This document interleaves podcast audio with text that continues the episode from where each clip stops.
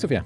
Hej Janne! Och hej till dig som lyssnar. Jag heter Janne Kontio. Och jag heter Sofia Lundmark. Och det här är en podd som handlar om pedagogik eller något närliggande forskningsområde som riktar sig kring dig som är intresserad av pedagogik. Du kanske är pedagog, du kanske jobbar med i olika pedagogiska sammanhang. Eller så är du bara intresserad av våran podd. Oavsett så är ni varmt välkomna. Och eh, vi gör den här podden i samarbete med Skolporten för att sprida färska forskningsresultat och diskutera ämnen som är aktuella och som vi tycker att fler skulle lära sig mer om. Just det. Och i den här poddserien så är det så att vi intervjuar forskare som har skrivit akademiska avhandlingar i ett ämne som vi tycker borde få lite mer ljus på sig. I det här avsnittet så har vi faktiskt träffat någon som du kanske är lite extra intresserad av, åtminstone hans forskning tänker jag, eftersom du har forskningsprojekt som lite liknar detta. Vad handlar dagens avsnitt om? Ja, det ämne som vi fokuserar på idag, det handlar om deltagande och ungdomars deltagande i olika typer av samhälleliga processer. Och jag jobbar i ett projekt som heter Planning with Youth, där vi studerar hur man kan involvera ungdomar i stadsplaneringsprocesser. Och där utforskar vi olika typer av kreativa metoder för hur man kan stimulera deltagande och hur man kan arbeta med ungdomar eller underrepresenterade grupper egentligen. Eh, för att få in eh, deras åsikter om hur staden ska utvecklas. Och det ligger väldigt nära den person som vi kommer prata med och eh, den avhandling som vi kommer att fokusera på. För vi kommer träffa Simon Magnusson alldeles strax som är forskare på Södertörns högskola som har eh, studerat just detta ämne. Han har fokuserat på deltagande bland ungdomar i olika typer av eh, beslutsprocesser. Och fokuset för Simons eh, avhandling, ja det handlar ju om ungdomar och hur vi ska få med ungdomar på tåget, hur vi ska få med dem delaktiga i våra beslut som vi fattar på olika nivåer. Och vi kanske ska lyssna på det här samtalet som du hade med Simon. Ja.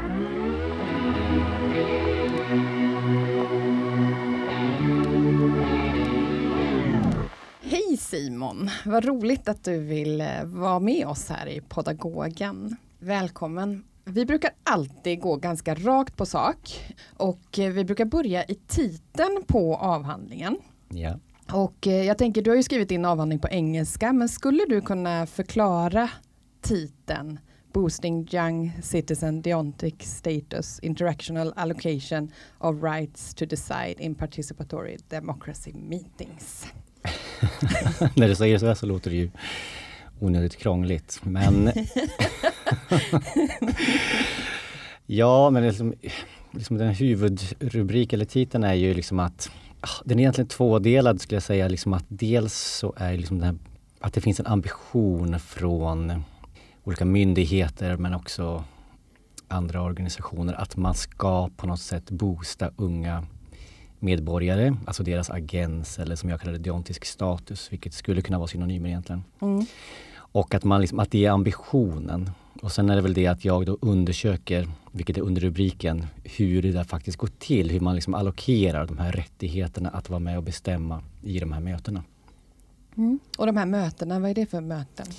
Det är medborgardialoger som är gjorda för unga medborgare. Mm. Um, och de får vara med och bestämma om olika saker. Eller liksom in, i inbjudan så finns det liksom ett löfte om att de får vara med och bestämma framtiden, hur framtiden ska se ut. Mm. Så det är dels ett möte som pågick under ett helt år eh, där man skulle utforma en vision för 2050 i en liten, liten glesbygdskommun. Mm. Eh, och sen är det också några så här punktinsatser, några så workshops där ungdomar fick vara med och utforma en park och eh, ja, och, och faktiskt hur andra medborgardialoger för unga ska utformas för att locka ungdomar. Okej, vad spännande.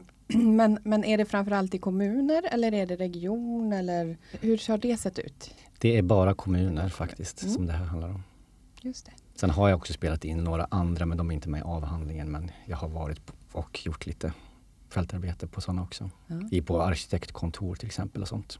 Just det. Nu ser inte våra lyssnare din avhandling men den ligger här på bordet framför oss och jag tycker att den är så himla fin. Mm. Eh, har du lust att berätta lite om omslaget, om den här bilden? Ja, alltså på framsidan så är det en bensinmack som blöder och så bad jag den konstnären att det skulle kännas lite dystopiskt. Mm. Eh, och det är några ungdomar som åker en epatraktor på en landsväg där gräset är ganska vildvuxet. Sen finns det mitt i bilden här en, liksom en, det som ska föreställa en kommunpamp, men det ser mer ut som en busschaufför tycker jag efterhand. Tyvärr. Han hade behövt en kavaj tror jag. Uh, men han ska, det ska vara en kommunpamp som står på en uh, sån här gungbräda, liksom där han liksom trycker ner sin vikt och för att skjuta upp en ungdom i luften. Mm. Och det ska symbolisera liksom dels mitt teoretiska ramverk som handlar mycket om det där liksom att den ena status tar ut den andras på det där sättet. Eh, och det är liksom i den vuxnas makt som ger ungdomen sin makt, vilket också förtar ungdomens makt i de här mötena. Mm. Eh, men sen finns det väl eh, några så här roliga referenser också till min avhandling, liksom att Deontic Rules står i en flame på motorhuven på epan och det, liksom, det är väl det som har drivit egentligen min avhandling, att jag tycker det är väldigt roligt med social deontik. Mm. Kan du förklara det begreppet? Ja, alltså det kommer ju från början från grammatik och filosofi där det handlar om vad som är möjligt utifrån vissa regler och lagar och sådär. Och grammatiskt kan det också deontik kodas utifrån sådana hjälper som måste, kan och så här.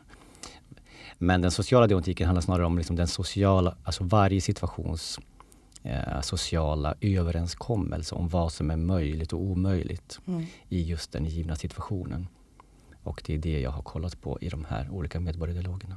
Mm. Jag eh, tänkte nu när du berättade om den här kommunrepresentanten här på mm. omslaget så vill jag komma till en sak. Mm. Eh, jag tänker vi kommer komma in mer på det här att vad det, vad, det, vad det betyder för de här ungdomarna och hur det här mötena ser ut och, och så. Men du tillägnar din avhandling till Leslie Knope. Ja. Det är ju en karaktär som jag älskar och Janne också tror jag.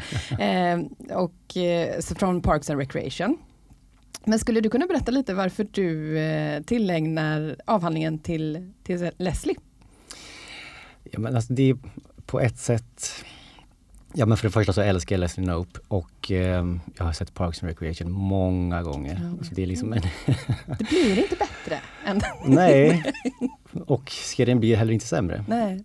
Eh, med tiden. Nej. Men hon är ju en driven kommun kommunalarbetare som liksom verkligen älskar sitt jobb och är, tror att hon kan göra skillnad och gör väl också skillnad. Mm. Och Alltså min avhandling är väl ganska deppig i sina resultat och att det inte fungerar så bra. Men alla de här personerna som jag har träffat, alltså olika ungdomsstrateger och sådana som de brinner på samma sätt har jag faktiskt märkt som Leslie Knope gör. Mm. Och hon får på något sätt symbolisera att jag ändå inte vill bara slå ner som ett deppigt, en deppig bok här utan jag hoppas och tror mm. att det finns eldsjälar. Mm. Och de har jag träffat. Ja, kan du berätta lite om dem? Ja, men det är framförallt en Alltså det ettåriga projektet som jag var på en hemlig ort som jag kallar mm. för Norda. Eh, där var det en ungdomsstrateg som var helt fantastisk liksom, att vara med de här. Så hon hade hand om de här ungdomarna hela sommaren för att de var unga kommunutvecklare och sen under hela medborgardialogsprojektet så tog hon hand om dem och hon liksom peppade dem och hon brann verkligen för sin sak. Jag har aldrig träffat någon sån person och det, jag kände mig så oerhört pessimistisk i jämförelse med henne. Och det, mm. ja, hon påverkade mig. Och det här, påverk, eller det här pågick under ett år alltså, mm. det deltagande projektet? Ja. Var det samma ungdomar som var involverade hela tiden? Ja, det var det. det, var det. Hur många var de? Fyra. Ja. Fick de vara med i de här processerna och påverka? För du skriver också i din avhandling att eh, ofta så bjuder kommunerna in kanske ungdomar till att delta i de här processerna men att makten kanske inte egentligen skiftar som, i så hög utsträckning. Men hur blev det i det här projektet när det var under så lång tid? Ja, alltså det var väl de hittade sina roller till slut och jag tror de tog för sig mer och mer mm. ju mer den här tiden gick. Jag, tror det, alltså jag har inte gjort någon sån liksom över tid Nej. undersökning men jag har väl ändå sett att jag tycker de tog för sig på ett annat sätt. De initierade sina samtalsturer på ett annat sätt ju mer tiden gick kanske. Mm. Alltså det blev också så att deras roller cementerades på ett sätt som jag tror inte heller var bra. Att, de liksom, att man formulerade varför de var där, vilken kunskap som var viktig för dem att ha och bidra med. Så liksom den här rollen blev snävare och snävare också på ett sätt. Samtidigt som de kanske blev mer bekväma med att sitta och prata med mm. eh, tjänstepersoner och liksom politiker. Mm. Du nämnde också att eh, dina resultat var lite deppiga. Eh, skulle du vilja dela lite grann om vad det är de här deppiga resultaten består av? Alltså mina frågor handlar ju ganska mycket om vad blir det för, vad blir det för inflytande då? Eh, mm. Och stämmer det överens med det här löftet som man ger och jag visar ganska tydligt att de får inget inflytande överhuvudtaget kan man väl säga. Och eh, snarare att man formulerar ord, man konstruerar deras så, deontiska status eller deras, agent, deras liksom deltagarroll väldigt tydligt. Dels så säger man att de har en unik kunskap som ungdomar. De har liksom eh, tillgång till en ungdomsvärld mm. eh, och vad det innebär att vara ung. Och man menar också att de har någon slags unik Alltså de har ett unik att de har en insyn i framtiden också, vilket jag tycker är väldigt spännande. Alltså de kan uttala sig om framtiden, vilket inte vuxna kan göra för de är döda då, säger de här politikerna till ungdomarna. Mm. Men eh, det här liksom, då skapar man skapar någon slags roll som de inte kan leva upp till, för de vet liksom inte mer om framtiden än vad vuxna vet, kanske till och med mindre. Ja. Eh, men det blir en förväntan som är väldigt svår att anpassa sig till i situationen. Samtidigt som den här kunskapen om ungdom, den kan de väl dela med sig. De kan berätta hur det är i skolan och sådär. Men det är inte den som på något sätt är liksom avgörande för de här besluten som de ska fatta. Utan de snarare i, de, de, de erbjuds en roll att liksom stryka politikerna medhårs och de accepterar den rollen skulle jag säga. Mm. Utifrån detta då, Eh, vad är det för typ av beslut som de här ungdomarna har fått vara med och fatta? Du nämnde att det var utveckling av någon park, men vad, vad kan det mer vara för typ av beslut? Eh, under det ettåriga projektet så var det beslut om hur den här kommunen ska se ut 2050. Ja, så då rörde det liksom precis alla frågor. Men det själva politiska beslutet var ju liksom hur, hur ska man formulera visionen? Mm. För det var ett dokument som skulle tas fram som är en framtidsvision. Och det som det beslutet handlade om var ju dels själva bara formuleringen om vad ska det stå i den här framtidsvisionen. Mm. Men sen pratar de ju också om hur ska vi locka hit, för de, har liksom, de förlorar unga för de flyttar till andra städer. Hur ska vi behålla ungdomar och sådär. Mm. Um, så men det faktiska beslutet är ju framtidsvisionen. Ja. Nu har vi fått reda på att ungdomar deltar eller bjuds in till att delta i den här typen av, av både workshoppar och lite mer långsiktig projekt. Men hur ser formerna ut för det här deltagandet? Det varierar kan man säga mellan dels smågrupp eller bikupor och stormötesform där man liksom, det finns en, samtalsledare som fördelar ordet mellan och eh, tar upp ungdomarnas olika åsikter så här inför alla andra, inför 50 personer.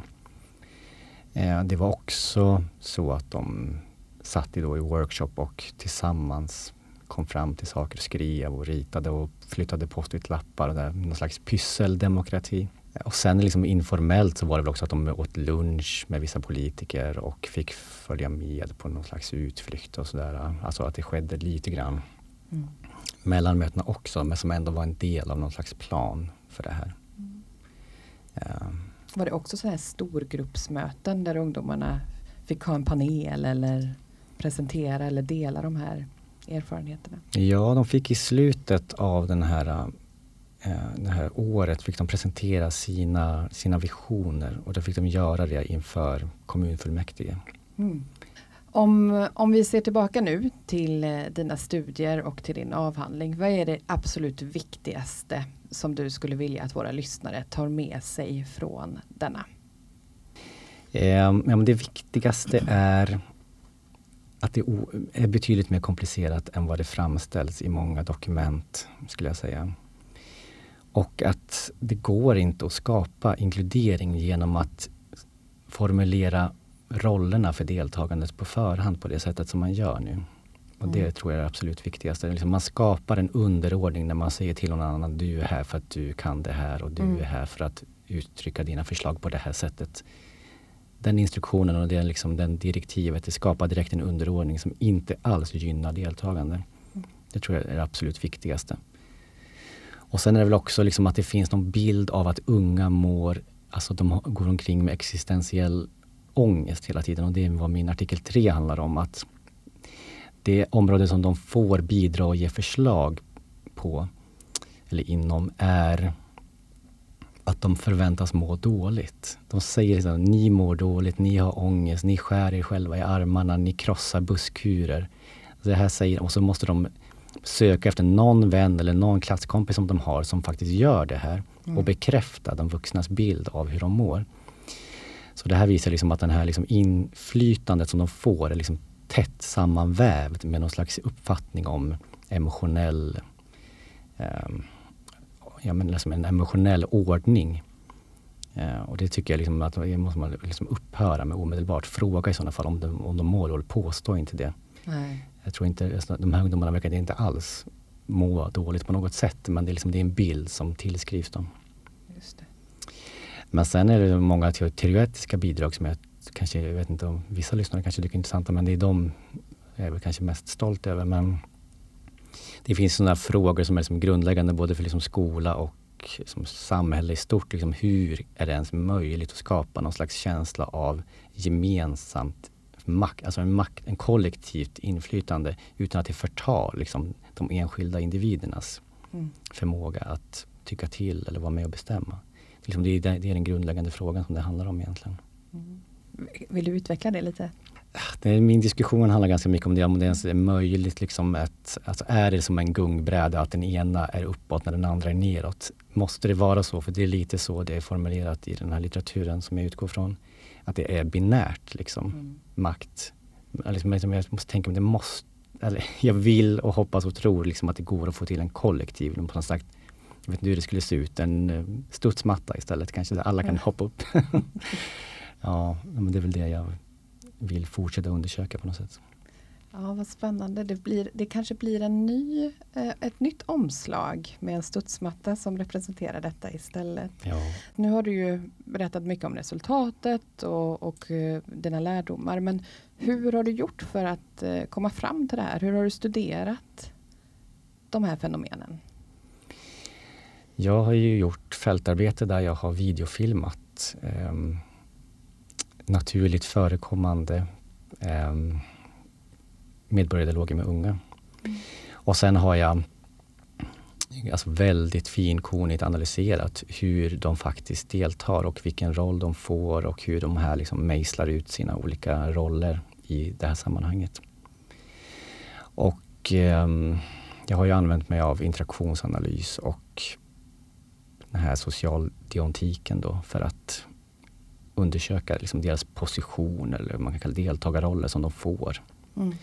Eh, och hur liksom en, en vuxens instruktion om hur de bör delta, vilken effekt den får interaktionellt för ungdomen.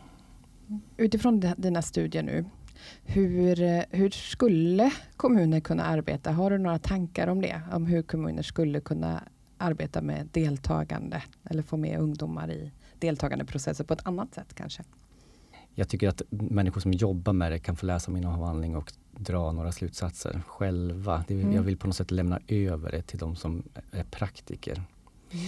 Men det, det jag kan säga är väl att det, det en av de här workshopparna, då jobbade de i kamratinteraktion. Liksom, det fanns ingen vuxen med. Och det är enda gången de uppnådde alltså gemensamt beslutsfattande. Mm. Um, och de liksom jobbade, eller ja, de jobbade gemensamt på ett sätt som de aldrig gjorde med de vuxna. Och eventuellt så skulle man kunna säga då att det kanske ligger mer i linje med liksom någon slags demokratiska ideal. Mm. Vad gjorde de då? Eh, de satt och skrev tillsammans på ett stort papper som var en gånger 80 centimeter. Och liksom de satt i en grupp om fyra och, eh, och formulerade förslag tillsammans på hur en, viss, på en, hur en park skulle förändras. Mm. Och då, då uppnådde de verkligen gemensamt beslutsfattande så som det liksom är definierat inom social interaktionsforskning. Um, och det är, liksom, det är klart att det är helt andra frågor än de här visionsfrågorna. Men kanske att det var en bättre form. Mm. Jag vet inte. Jag vet inte, det kanske också behö behövs ett visst motstånd och att det ska vara lite att de får lära sig något från att prata med vuxna. Men det var, det var svårt för dem. Mm. Eller svårt för de vuxna att inkludera dem kanske man ska säga. Jag förstår, eller jag, jag förstår också att, att, frågan är svår för mm. att du har ju studerat så som det ser ut och, och vad som har hänt i, i de här situationerna. Och att eh, jag tycker att det är vettigt att tänka att okej, okay, nu lämnar vi över den här av, eller nu lämnar du över avhandlingen till de som också då jobbar med de här frågorna. Men vilka, vilka är det du vill nå då? Eller vilka tycker du behöver verkligen läsa din avhandling för att kunna ta lärdom av den? Ja, alltså de som behöver läsa den är väl kanske SKR. Mm. För de är väldigt pigga på att alltså, ge, skapa olika dialogguider och de har handböcker i varenda fråga som finns i princip. Och de där tipsen tycker jag är ganska stelbenta. Um, de ger liksom så här Elaine Eksvärd råd kring interaktion och kommunikation som jag inte alls uppskattar. Saker liksom förenklas och så de skulle behöva liksom ha en lite mer liksom, på något sätt empiriskt förankrad dialogguide. Och jag tror de har väldigt mycket makt också i hur kommuner utformar sina medborgardialoger. Eh, för jag tror liksom på marken, många av de här eh, som jag pratar om, eldsjälarna och ungdomsstrategerna, de är ganska bra för de har liksom intuitiv förmåga. Men sen finns det massa eh, personer som liksom har massa former och design. Alltså de har så här, någon slags mötesdesign som jag tror liksom skälper mer. Liksom att det blir bara som en, en HR-åtgärd snarare än verkligt deltagande.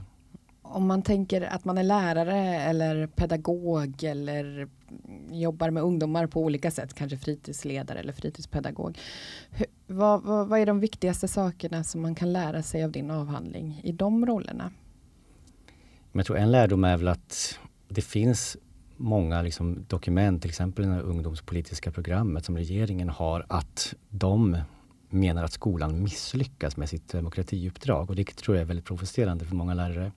Att de ens formulerar sig på det sättet. Det finns en formulering där det säger att ungdomar vill inte, eller ungdomar och barn vill inte leka demokrati i skolan utan de vill lära sig demokrati. Eller de vill liksom fostras till demokratiska medborgare genom att delta på riktigt. Den där, formuleringen eh, skulle jag vilja ska vara intressant att diskutera med lärare faktiskt. Ja. Um, men också liksom att då man skapar de här olika sammanhangen som någon slags draghjälp till skolans uppdrag. Och det är ju väldigt intressant för lärare att ha koll på att det finns de här, och det tror jag de kanske har också, men hur förhåller de sig till liksom att medborgardialoger? Och ibland är det också att man går med sin skola till en sån här medborgardialog eller ungdomsdialog. Mm. Um, så jag tror det mycket handlar om att, de, att ha koll, men också kanske liksom att de kan hjälpa jag undrar om skolan inte skulle kunna vara en bra plats för att liksom förbättra de här situationerna. Mm. Det gör också att jag blir väldigt nyfiken på vad forskaren Simon ska göra nu. Ja, just nu håller jag på att forska om sexuellt samtycke och hur det framställs i tv-serier och filmer. Mm. Um, och det bygger ganska mycket på samma idé egentligen. Liksom att jag och en finsk forskare, Melissa Stevanovic, håller på att undersöka. Jag har skrivit en artikel och skriver på andra nu om hur, att man kan liksom, att det, att sexuellt samtycke är ganska liksom svårt att begripliggöra på visst plan, liksom just det interaktionella. men att, att många menar liksom att det inte går att uppnå, att det liksom är ett ideal, men att vi då visar på att det liksom det är inte svårare än att bestämma om man ska ta en till öl på krogen. Alltså det handlar om ett gemensamt beslutsfattande och vi är som människor är otroligt bra på att läsa av andra människors liksom, signaler. Att det är liksom inte svårt egentligen. Och vi visar på olika sätt hur man liksom kan uppnå då gemensamt beslutsfattande eller samtycke som, vi, som det kallas. Mm. Spännande, det ser vi verkligen också fram emot att få veta mer om. Jag tycker att din avhandling den är så himla viktig och utifrån det här samtalet också så lyfter du ju en massa aspekter som är verkligen viktiga för väldigt många att ta hänsyn till och det är så intressant läsning för att se hur det här ser ut men också att det är ju faktiskt, det handlar ju om vår samtid, vårt samhälle och det handlar om, om ungdomarna i, idag och hur vi kan eh, förändra och påverka också möjligheter till makt och eh, deltagande. Eh, och den är verkligen värd att läsa. Så jag tänker att jag vill rekommendera alla våra lyssnare att eh, läsa den och att titta på, på din avhandling och de kapitel och de artiklar som du har med i den. Men om man nu är en ovan läsare av avhandlingar, vad tycker du att eh, man ska börja om man tar tag i den här? Det finns en svensk sammanfattning som är ganska eh, ja, men lite mer populärvetenskapligt skriven och den kan jag rekommendera att läsa. Inledningsvis i sådana fall. Mm. Mm. Och sen då? Om, ja, man, blir, om man har läst ja, den här svenska sammanfattningen. Och sen efter den svenska sammanfattningen skulle jag rekommendera inledningen. För den också, jag tycker den är ganska trevlig och mm. rolig. Jag har ett fin, en fin analogi med King Arthur i början. om hur jag förklarar vår tids problem med demokrati. Just det. Jätte, jättespännande. Tack så jättemycket Simon för att du ville gästa oss och berätta om avhandlingen och återbesöka den igen här. Ja. ja det var jätte, jättetrevligt att ha dig med. Tack för att jag fick komma. Tack. Oh, vilket spännande samtal Sofia. Ja, eller hur. Jag kände att jag lärde mig jättemycket. Och att det var väldigt många intressanta aspekter som Simon tog upp och som han faktiskt har verkligen synliggjort i sina studier. Eh, bland annat så, så fastnar jag lite grann på den här frågan om demokrati och hur skolan arbetar med demokratiska uppdraget eller att fostra barn in i att lära sig kring demokrati och demokratiska processer. Just det, det som Simon då kallar för eh, att leka demokrati eller som, som, eh, som man ofta liksom får höra att det skrivs om. Eh, och jag tänker att Skolinspektionen gör ju ofta nedslag i, i skolor och, och, pekar ofta just på det här med att klassråd och elevråd, att det fungerar väldigt illa. Mm. alltså det, utifrån ett elevperspektiv så, så är känslan att även om eleverna bjuds in att delta och att komma med förslag och så vidare så, så saknas det en, dels en transparens kring men vad händer då ifall vi röstar för att den här stolen ute i hallen ska lagas. Mm. Eh, vad är nästa steg? Ja, men det går till ett elevråd och sen så ska ju någon fatta något beslut och så vidare. Men, men den där transparensen saknas många gånger och, och sen i slutändan så lagas inte den där stolen i alla fall för att någonstans så faller det där önskemålet bort på vägen kanske. Mm. Och ehm. samtidigt så är ju det en del i demokratiska processer också. Och kanske ett sätt att lära sig om vad demokrati faktiskt kan innebära. För även i de här eh, deltagande mötena eller de här processerna som Simon har studerat så så tar det ju tid och det är inte säkert att det blir något resultat heller utan det kan ju komma in någonting annat som plötsligt påverkar och gör att det blir ingen utbytt stol. Så, så att det ger ju kanske någonting och samtidigt så kan jag tänka mig att eleverna vill egentligen lära sig om demokrati på riktigt eller vad det faktiskt innebär istället för att leka det. Liksom. Mm.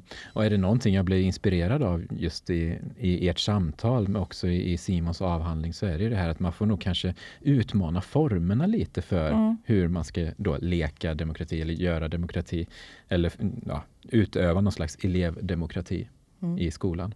Verkligen. En annan sak som jag tycker var väldigt intressant, det är ju också den här, det här ansvaret som man lägger på unga människor. Mm. Och det är ju inte bara i kommuner, utan det är ju i samhället i stort, där det finns ett väldigt stort ansvar som läggs på unga om att sia om framtiden. Om att unga är vår framtid. Och att då också att man förmedlar en sån känsla av att nu ska ni göra visionen. Ni vet hur framtiden kommer att se ut. För vi kommer att döda i framtiden, vi vuxna.